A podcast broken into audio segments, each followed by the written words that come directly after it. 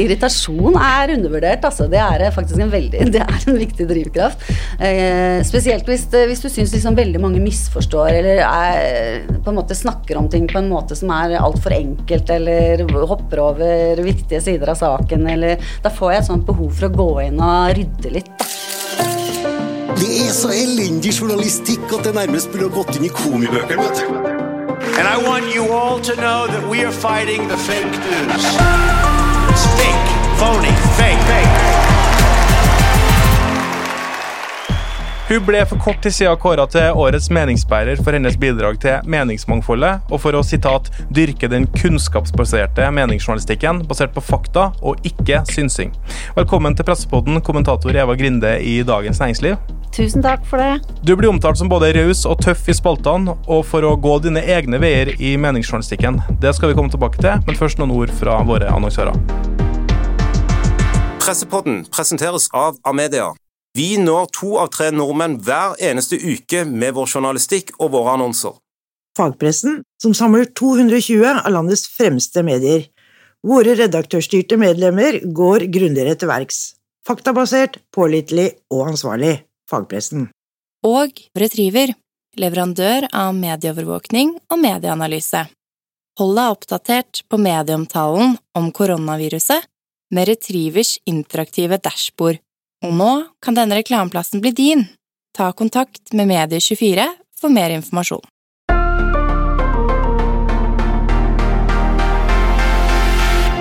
Eva Grinde, først og fremst gratulerer som årets meningsbærer. Tusen takk. Hva betyr det å få en sånn pris? Det er faktisk ganske gøy, altså. Jeg må innrømme det. Og det er jo fra, er jo fra kolleger i bransjen, ikke sant. Dette her er jo dette her er jo folk som eh, kaster inn navn og nominerer deg, og så er det et eh, presumptivt, i hvert fall, uavhengig jury som vurderer, så det, det, var gøy. Jeg har vært nominert en gang før, og det kan jeg bare det kan jeg bare slå fast at det er mye morsommere å få den enn å bare være nominert. Så det kan jeg anbefale, faktisk. Anbefale på pris, det er bra. Ja. Du får jo prisen for ditt bidrag til meningsmangfoldet. Eh, hva er det som gjør deg mangfoldig? Oi, hva som gjør meg mangfoldig? Nei, altså faktisk så er jeg eh, en ikke helt sånn der på dusinet kommentator. fordi at de aller De fleste kommentatorer er jo faktisk politiske kommentatorer som på en måte er født og oppvokst i vandrehallen.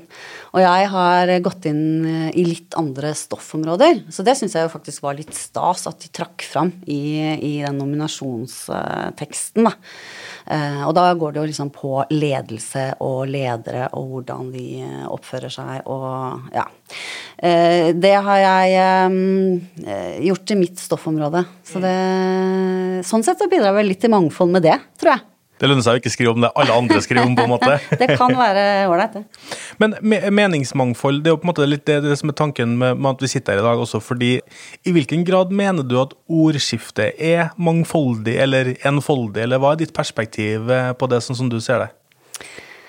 Uh, ja, det er jeg, jeg, må, jeg, må, bare fortelle en liten historie. Jeg satt uh, på en lunsj, og så snakka jeg med en medieforsker, og så sa han til meg du uh, nå med sosiale medier og fremveksten av sosiale medier. Så jeg skjønner jo fortsatt hvorfor vi skal ha gravende journalister. Det skjønner jeg jo, for de kan bidra med noe annet enn liksom alle som prater i vei på sosiale medier. Men, men kommentatorer, det skjønte han ikke.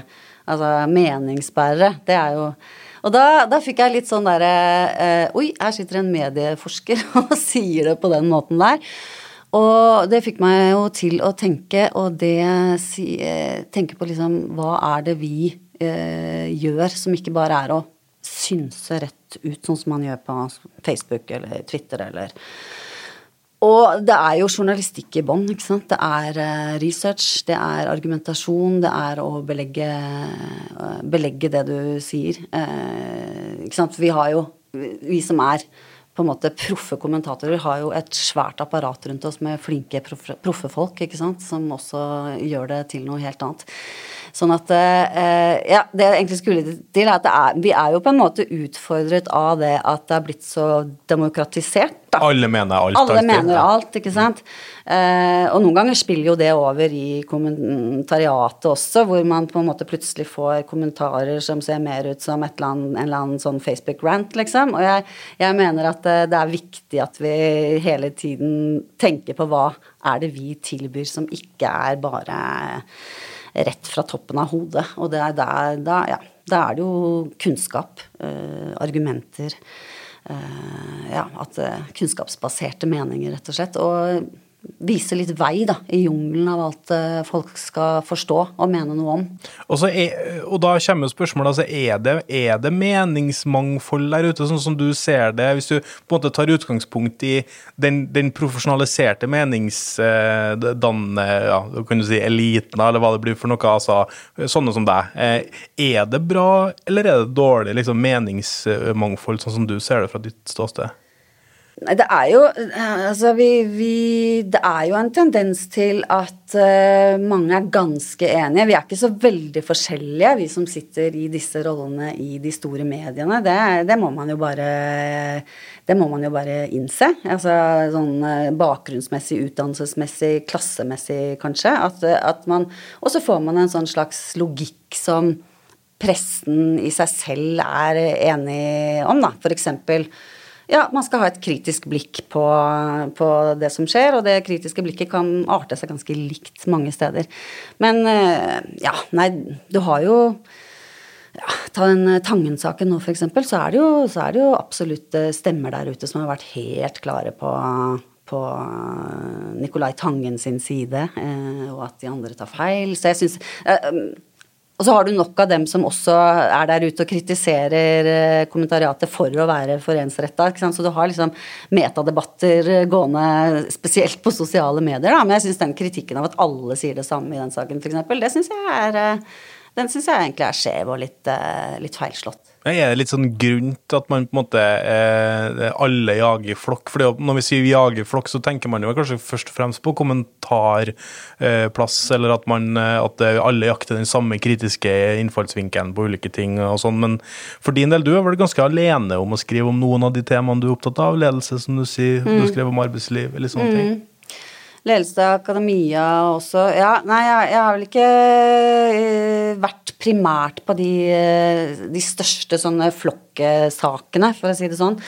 Så Men jeg eh, jeg har jo kanskje to forskjellige liksom, bein å stå på. Da. Det ene er jo at jeg, jeg er jo med i sånne nyhetsløp, og det syns jeg er kjempemorsomt. Også, sånn med den pulsen det innebærer å jobbe sammen med journalistene og følge med fra dag til dag og sånn.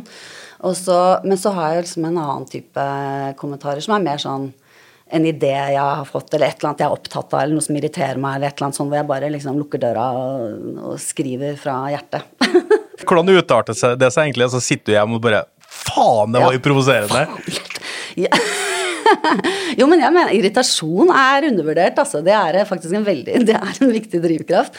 Eh, spesielt hvis, hvis du syns liksom veldig mange misforstår eller er, på en måte snakker om ting på en måte som er altfor enkelt, eller hopper over viktige sider av saken, eller Da får jeg et sånt behov for å gå inn og rydde litt, da. Ja. Uh, og det, så det er en av Jeg tror det er et av motivene mine. Det, det var jo noe av juryen trakk fram også, at du, ikke, altså at du går din egen vei. Det vil jo kanskje på mange måter også si at du er litt motstrøms på enkelte ting. at du, Er det, er det en ting som er viktig for deg? Å på en måte være litt sånn, å gå den andre veien enn alle andre, eller, eller tenker du over det? Jo, det er nok litt viktig, eh, og det kan jo liksom, man kan jo falle litt i den der fella med å bli sånn skikkelig irriterende som bare skal si imot eh, for, for å gjøre det, liksom. Men, jeg, men som regel så er jo saker sammensatt, da. Så hvis alle er eh, veldig enige, så er det ofte noe som mangler. Og noe som liksom mangler for å forstå Det er en annen drivkraft er jo også for å forstå ting. Hvordan henger de sammen? Hva er det som gjør at folk gjør som de gjør? Hva, hva er liksom bakgrunnen for denne, dette hendelsesforløpet eller den uttalelsen eller ikke sant? Og da er det som regel eh, mer komplekst eh, enn de mest populære eh, fortellingene, da. Så, og det er det jeg syns er gøy. Jeg liker det. Jeg har nok en liten sånn akademiker i meg, liksom.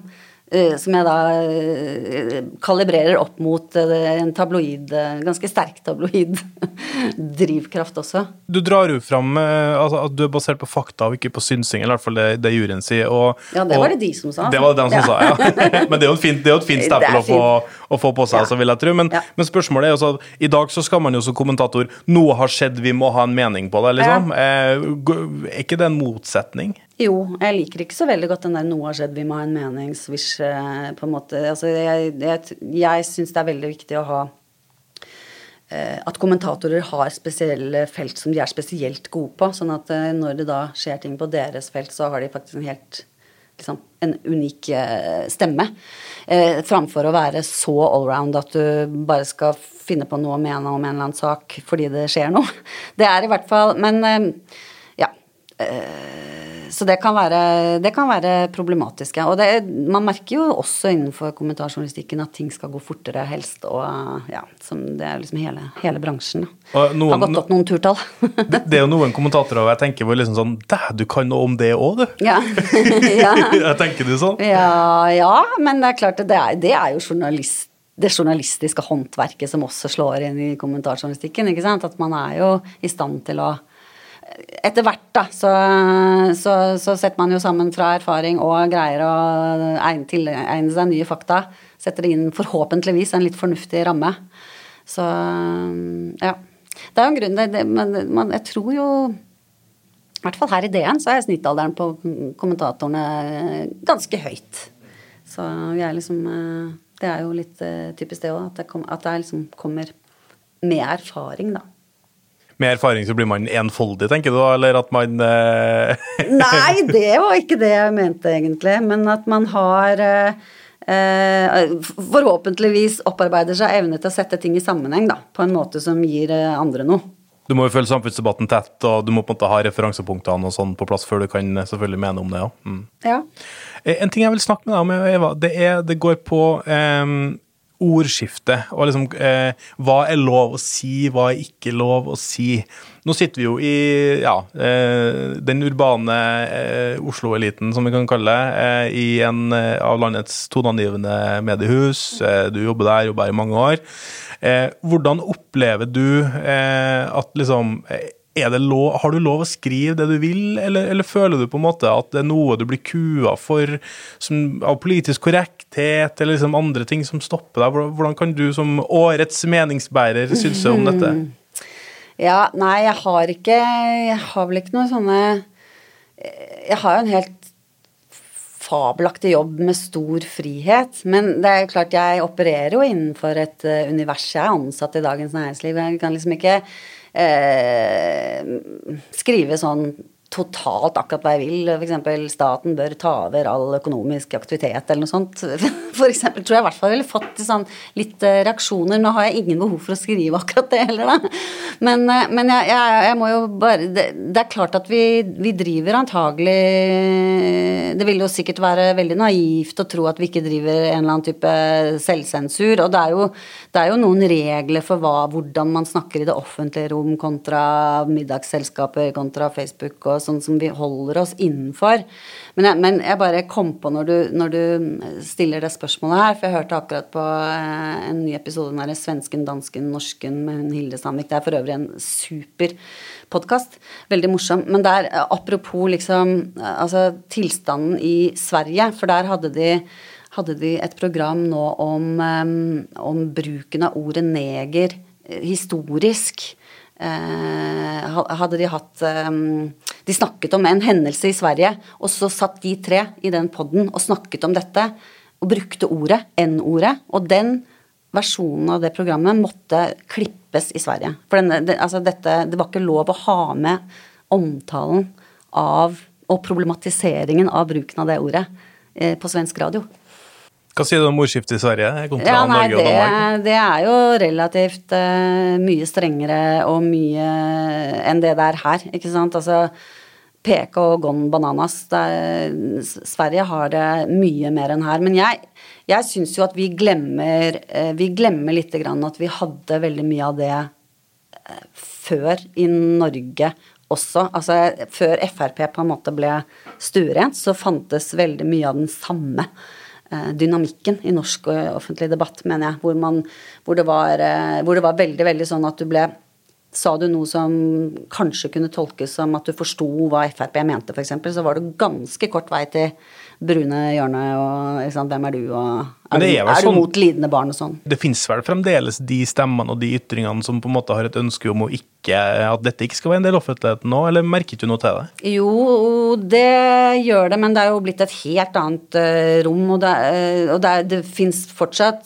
mm, helt sikkert miljøer hvor, hvor det er den samme type tabu som det alltid har vært. da. Akkurat det eksempelet vil jo da være typisk eh, på venstresiden, eh, ikke sant. Altså, men, men det er noe helt annet enn det det var, og, og, virkelig en mye større frihet enn f.eks. i i Sverige, så der mener jeg at vi, vi har det mye bedre. Vi vil ikke ha svenske tilstander her i Norge. Nei, ikke, absolutt ikke. I hvert fall ikke på det. Men er det noen tema hvor du tenker at her må jeg trø ekstra varsom? Vi, vi skulle arrangere en sånn, eh, en sånn eh, meningsdag eh, med 24, da, og, og, og da snakka jeg med en ikke navngitt kommentator om er det tema man ikke skal snakke om, eller hvor det er liksom vanskelig. Og da var det liksom sånn eh, Feminisme og transdebatten var liksom oh, Der er det farlig. Innvandringsdebatten har blitt litt mer sånn Der kan man si ganske mye nå. Eh, og, det som på en måte går på, på um, eh, metoo, har jo vært en ting som har vært vanskelig for noen kommentatorer. og, og sånne type ting. Er, er, hva, hva tenker du om, om, om hva, hva er du tenker liksom åh, det her vil ikke jeg røre med ildtang engang, på en måte? Jeg vet ikke om det er noen jeg ikke vil røre med ildtang, men det er, men, men, men det er jo helt klart at den metoo-debatten her, som veldig mange andre steder, ble, eh, ble litt sånn preget av eh, hvordan kan du stille kritiske spørsmål, tror du ikke på dem? Eh, altså at, at, du plutselig fikk en annen type retts, eh, rettssituasjon for, eh, for, de som ble anklaget, og også de som, an, de som var anklagere. At, man, eh, at, det ble et spørsmål om tro og tillit for, eh, i motsetning til beviser og kritikk. Sånn at der, der, skjedde det noe. Der mener jeg jo at, eh, at, det har vært en ganske stor debatt i etterkant om, om det. Og den type den type eh, følelse av at man ikke skal bevege seg på feil sted der, den er ubehagelig. Men jeg, jeg Altså min metoo Det som jeg har skrevet i den forbindelse, har vært egentlig flere eksempler på litt mer eh, Hallo, ikke glem at det fortsatt fins en rettsstat og og den type ting. Så jeg har vel også der forsøkt å være en motstemme, da. Men hvilke tilbakemeldinger får du når du skriver sånne ting? da? Det har, egentlig, det har egentlig gått greit. Det har ikke vært jeg, har ikke, jeg har ikke opplevd at det har vært veldig risikabelt, faktisk. Men jeg har ikke gått sånn Det har ikke vært sånn der stup og skyt veldig hardt ut, liksom. Altså, det har jo vært det, det, har kanskje noe med det å gjøre, at de har vært mer diskuterende og nyanserende enn de har vært eh, fordømmende eller veldig, veldig superkritiske. Evas metode? Evas metode, kanskje. kanskje.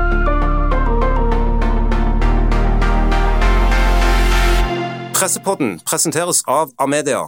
Vi når to av tre nordmenn hver eneste uke med vår journalistikk og våre annonser. Fagpressen, som samler 220 av landets fremste medier. Våre redaktørstyrte medlemmer går grundigere til verks. Faktabasert, pålitelig og ansvarlig. Fagpressen. Og Retriever, leverandør av medieovervåkning og medieanalyse.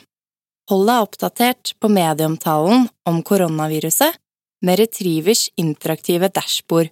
Og nå kan denne reklameplassen bli din. Ta kontakt med Medie24 for mer informasjon.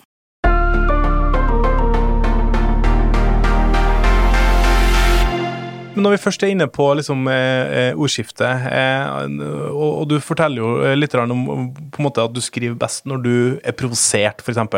Eh, kan du ta oss litt fortest. fortest, ja.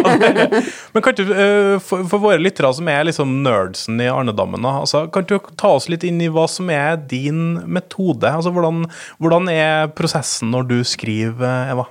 Ja, var, du, du, nevnte jo dette på forhånd, at uh, jeg skulle få spørsmål om min metode. Da ble jeg bare sånn Hva er min metode? Det er liksom sånn derre taus kunnskap, vet du. Har du hørt om det? det sitter i veggene.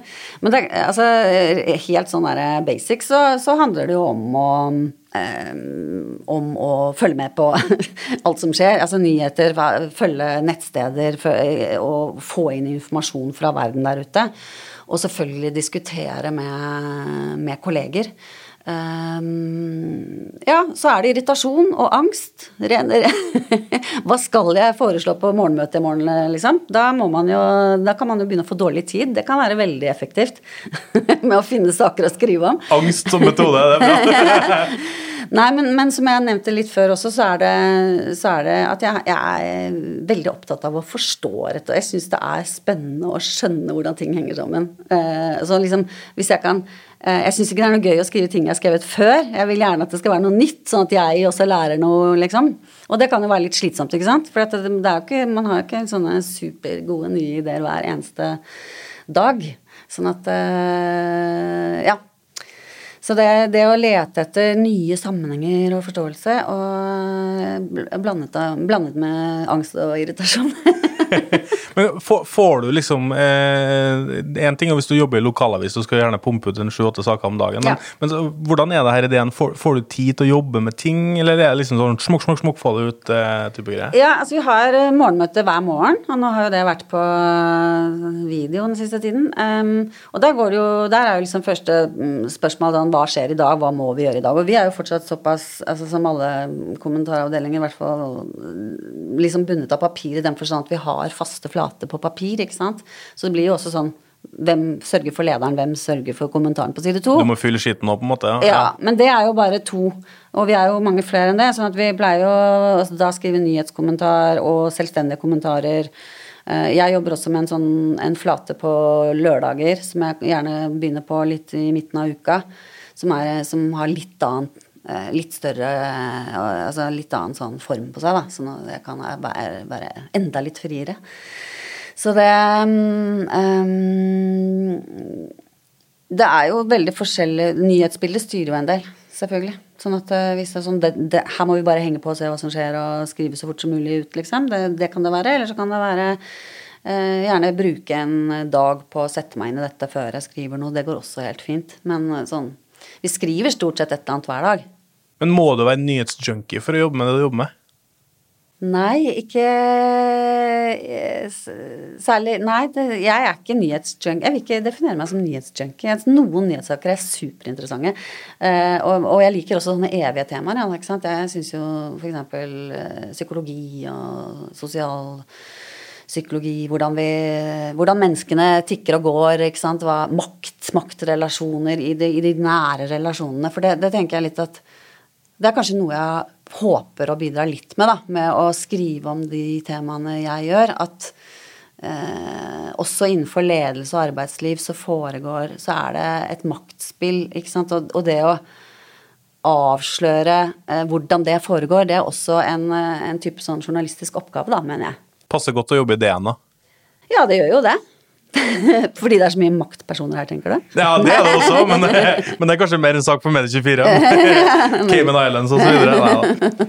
Eh, jeg vil spørre deg om en ting, fordi eh, mange kommentatorer opplever jo å få hets og sjikane, og noen kan få trusler og sånne ting. Eh, gjerne liksom folk som Hvis du er på TV, så opplever man sånne ting osv. Så Får du mye pass etter å ha uttalt deg om ting? Nei, eh, eh, det gjør jeg egentlig ikke. Det som jeg har, eh, har, skjønt, det er at hvis jeg legger meg ut med grupper av mennesker, altså sånn type eh, leger, lærere, eh, tech-oppstartsmiljøet altså, hvis, no, hvis liksom en hel gruppe føler seg truffet på en negativ måte, så har jeg fått sånn Da har jeg opplevd ganske sånn heftig shitstorm eh, på Twitter, og, sant, hvor de deler og ser denne grusomme osv. Men, men jeg, lite sånn, sånn, sånn, som jeg har hørt andre, så det er jeg bare veldig glad for. Altså, det, det, kan nok kanskje ha noe Jeg tror er, du er mer utsatt f.eks. hvis du skriver i VG eller Dagbladet enn i, i, Dagens Næringsliv også. Fordi vi, vi har tross alt litt sånn begrensa publikum. Klokere lesere? Eh, begrenset i hodet. Nei, altså Klokere lesere. Nei, ja, men altså det, det er et visst eh, segment, da. Det er med, med både inntekt og utdannelse høyere enn snitt osv. Så, videre. så det er mm. bare et faktum. Så, så der, der, slipper man kanskje noe. Uh, og pluss at det er mange færre, ikke sant. Altså. Men du, du, du, har jo lagt deg ut mot ulike miljøer tidligere. Jeg tror det var 2017 da du la deg ut mot et sånt tech-miljø, eller hva det var for noe. Ja, var, ja, de var veldig sinte, og de veldig på De er veldig aktive i sosiale medier, så da får du plutselig følelsen av at liksom du står rett og slett i krigen, og det er jo Det, er, det gjør man jo ikke, ikke sant? Det er jo de færreste rundt legger merke til dette her, men du selv som får det inn i innboksen, bare Så da Det må jeg jo si at jeg har lært mye mer av, da, Å ikke drive og følge med på det. Altså det, du skal selvfølgelig ta kritikk og, og, og være lydhør og sånn, men, men det å liksom når, de får, når, det blir sånn hets-ranting Altså når folk bare har lyst til å dele noe og si 'se så fælt det er', bare for å si fra til alle andre hvilken gruppe de er med i, hvis du skjønner. Mm. Det er bare en sånn De har ikke lest det og sånn. Så mange av dem. Du skaper fellesskap rundt hatet ja. rundt deg, på en måte? Ja, ja, det har jeg faktisk opplevd. Så, hvordan, da? Hva skjedde da, liksom? Hva, nei, nei jeg, det, blir, det går jo over etter hvert. Rett og slett. Jeg skriver om andre ting dagen etter, så det er liksom sånn, det hjelper jo. Man det er jo bra i denne bransjen her, da. Sendt er glemt, på en måte? Fra, ja. Litt. Litt. Nei, men jeg syns jo det var veldig tøft i begynnelsen, så det, har jo blitt, det er jo noe eh, man venner seg til. Nå er det en stund siden jeg har hatt akkurat den opplevelsen, da. Men jeg hadde jo også en, Det ble jo ganske mye bråk rundt den første eh, sånn store debatten om rosa sukkerspinn og kvinner i sosiale medier og sånn. Det, det var jo i 2014. Så da Ja, det var noe av det samme la deg ut mot alle kvinner i Norge, da? Eller hva, hva var greia der? Nei, ja, det var, eh, det var egentlig en sånn um, ja, hva var greia der? Jeg, jeg, jeg, belyste et fenomen, da, i, i, eh, som, jeg, som, jeg, hadde observert. Eh, om hvordan kvinner backer, backet hverandre opp i sosiale medier.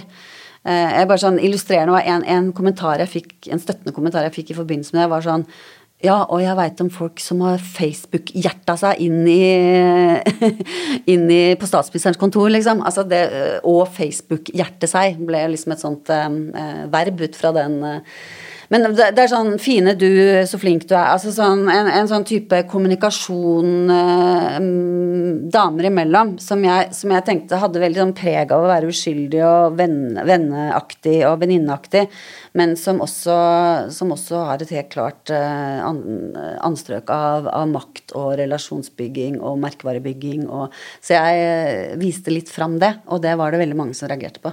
Hva sier de til deg? Nei, dette er jo lenge siden, da. Det, så Nei, det var eh, Det var vel urettferdig og vrang å fremstille på den måten og ja. Har det endra seg på de seks årene? Ja, det syns jeg.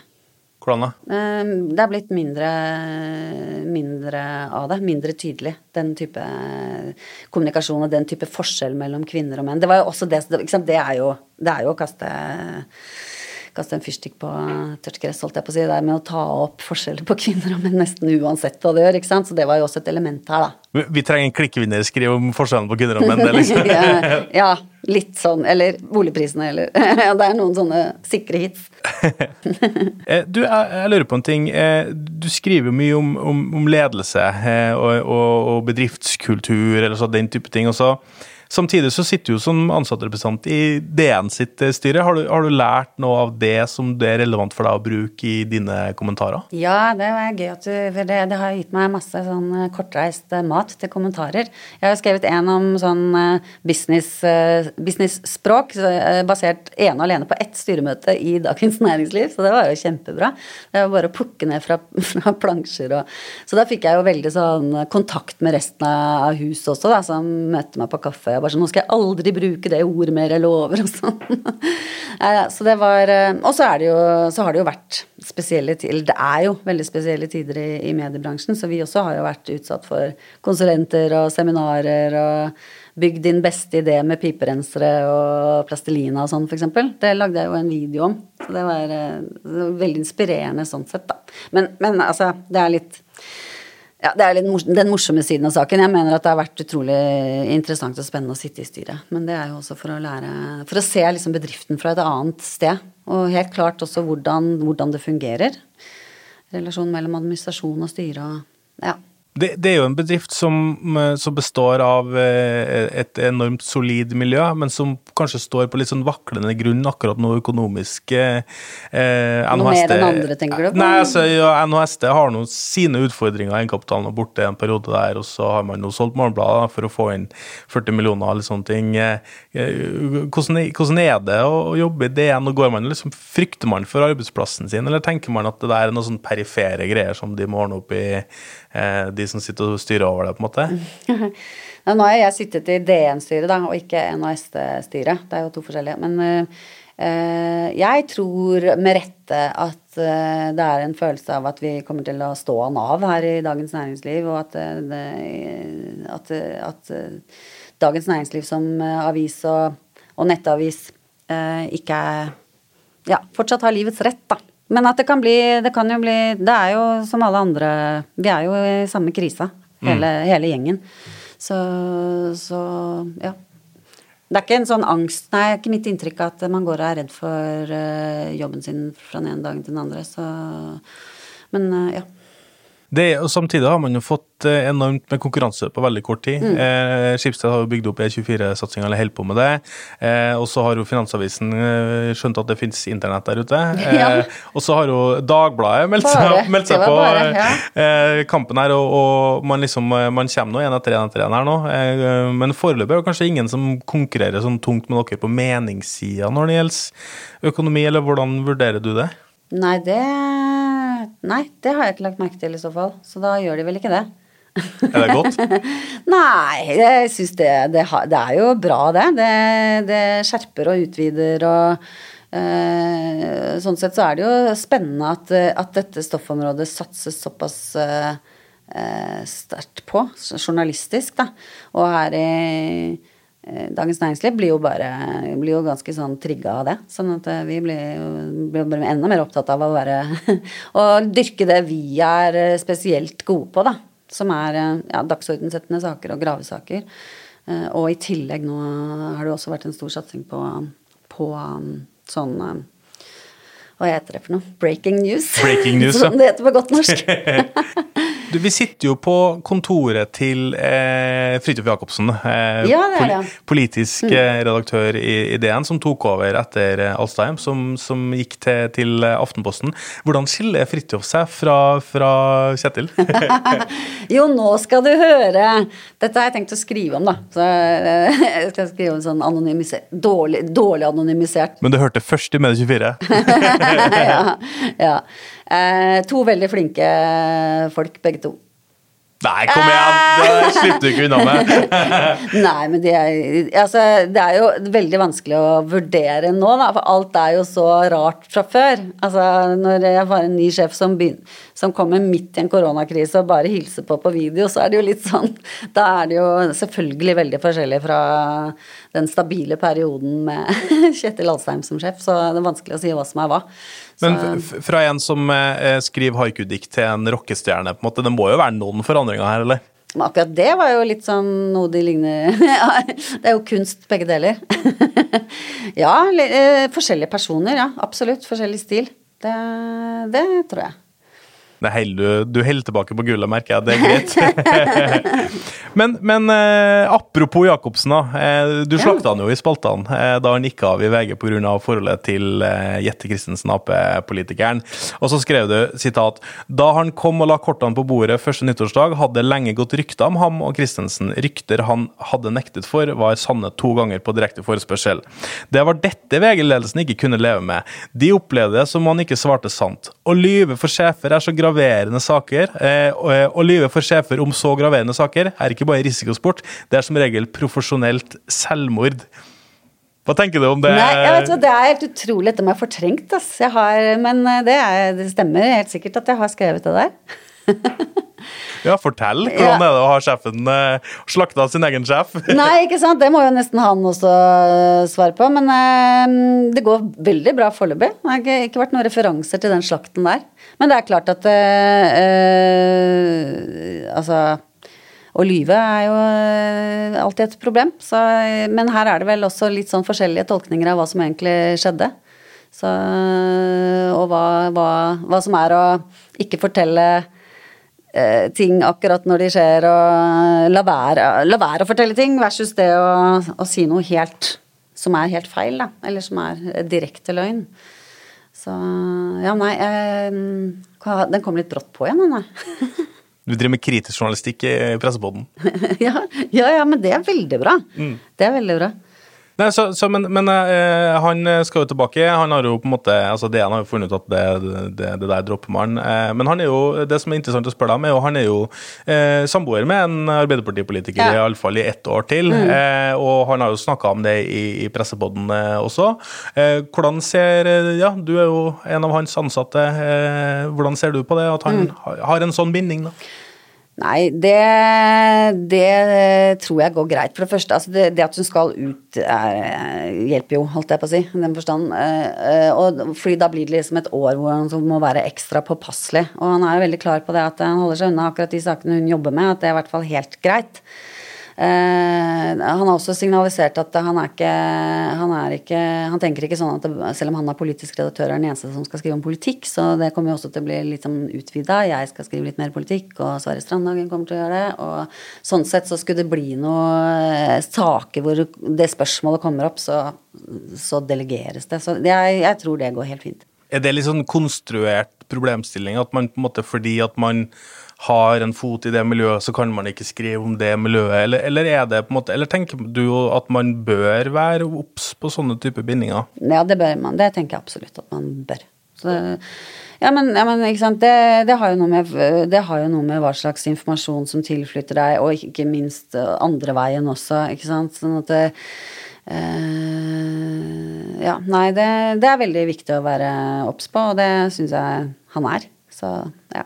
Hvordan er du eh, opptatt av den problemstillinga? Altså, vi hadde jo en debatt i fjor om samrøre og på en måte tette bånd til kilder og sånne ting. Eh, den debatten har jo lagt seg litt nå. Eh, mm. Hvordan, Hva er ditt perspektiv her i, når det gjelder mediebransjen og tette forhold til, til kilder?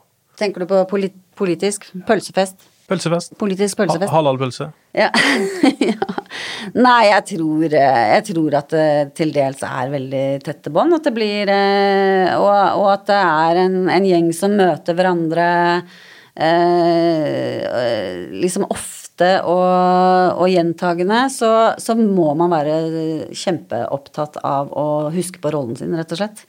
Og skal du være en god politisk eh, kommentator eller journalist over tid, så, så er det helt avgjørende at du skjønner det. Og ikke blir for varm i trøya og syns det er for stas å, å prate med ja, politisk elite osv. Men det er en balansegang. Så, samtidig som man skal ha kilder. Og ja, så den eh, Jeg er nok eh, Jeg er ikke blant de som syns at det er helt uproblematisk. Men, men, hvordan forholder du deg til det? For det er en ting som jeg la merke til jeg flytta til Oslo for fire, fire år siden, var mm. hvor utrolig tett på du kommer. Mm. Og du kommer så tett på at det liksom åh, tør jeg å stille spørsmålet nå? Altså, og da må man jo bare rive av plasteret og bare gjøre det likevel, på en måte. Men, mm. eh, men enkelte kilder sier man jo der kan ikke jeg faktisk intervjue fordi jeg føler jeg er for tett på deg. Altså, mm. Har du noen avveininger her, hvordan, eller noen historier om hvordan du forholder deg til det?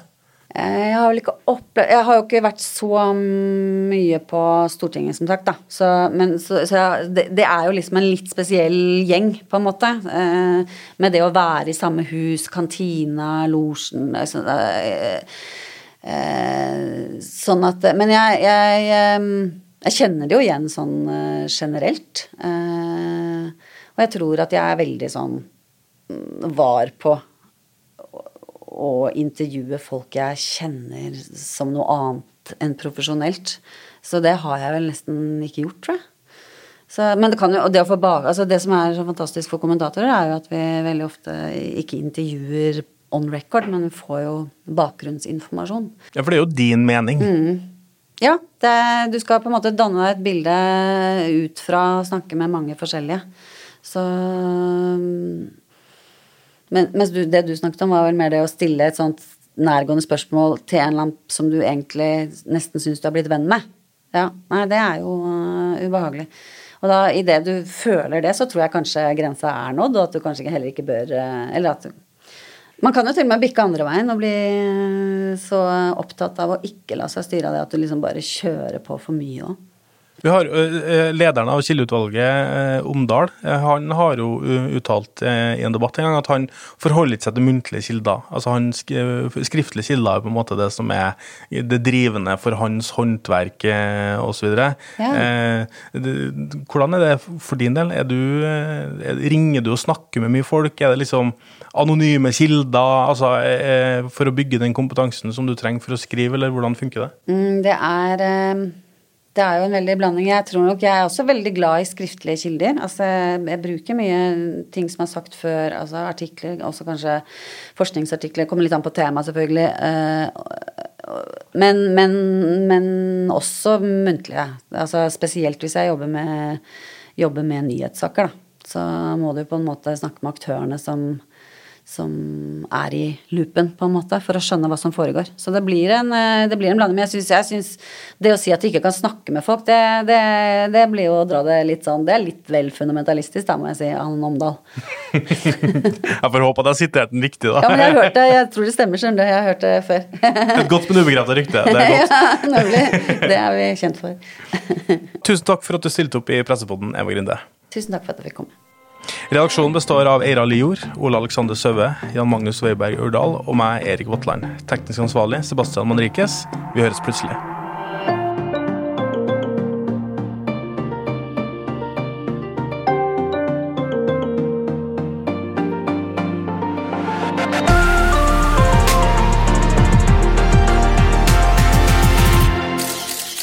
Pressepodden presenteres av Amedia.